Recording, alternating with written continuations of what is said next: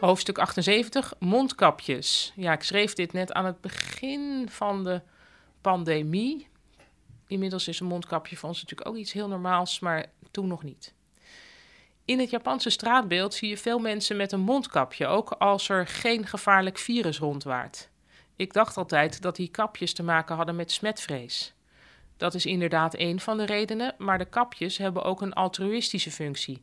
Mensen die zelf ziek zijn, willen de mensen om zich heen niet aansteken. Ook heb ik wel eens gehoord dat het kapje met verlegenheid te maken heeft. Vergelijk het met de westerse zonnebril, die beschermt tegen de zon, maar verbergt ook je ogen. Een zonnebril geldt in Japan als een schreeuwerig maffia-accessoire. Dan maar een bescheiden mondkapje om de wereld een beetje buiten te houden. Tot slot zijn er ook veel Japanners met hooikoorts. Ze hebben vooral last van de pollen van de sugi, de Japanse ceder. Die ceders zijn er nogal veel en dat heeft een reden. Ooit groeiden er oerbossen in Japan met veel verschillende soorten bomen.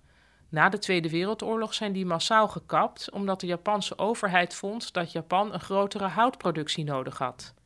Die houtproductie moest van cederhout komen, want ceder groeit snel en recht. Dus oerbossen eruit, ceder erin.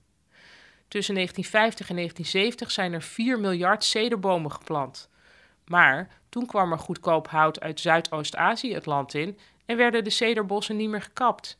De ceders groeien en groeien en produceren pollen waar naar schatting 1 op de 5 Japanners allergisch voor is. Dit is een probleem met een ogenschijnlijk simpele oplossing. Zorg dat er weer meer verschillende soorten bomen worden geplant. Maar nee, de Japanse overheid zet nu in op de ontwikkeling van een Japanse ceder die geen pollen produceert.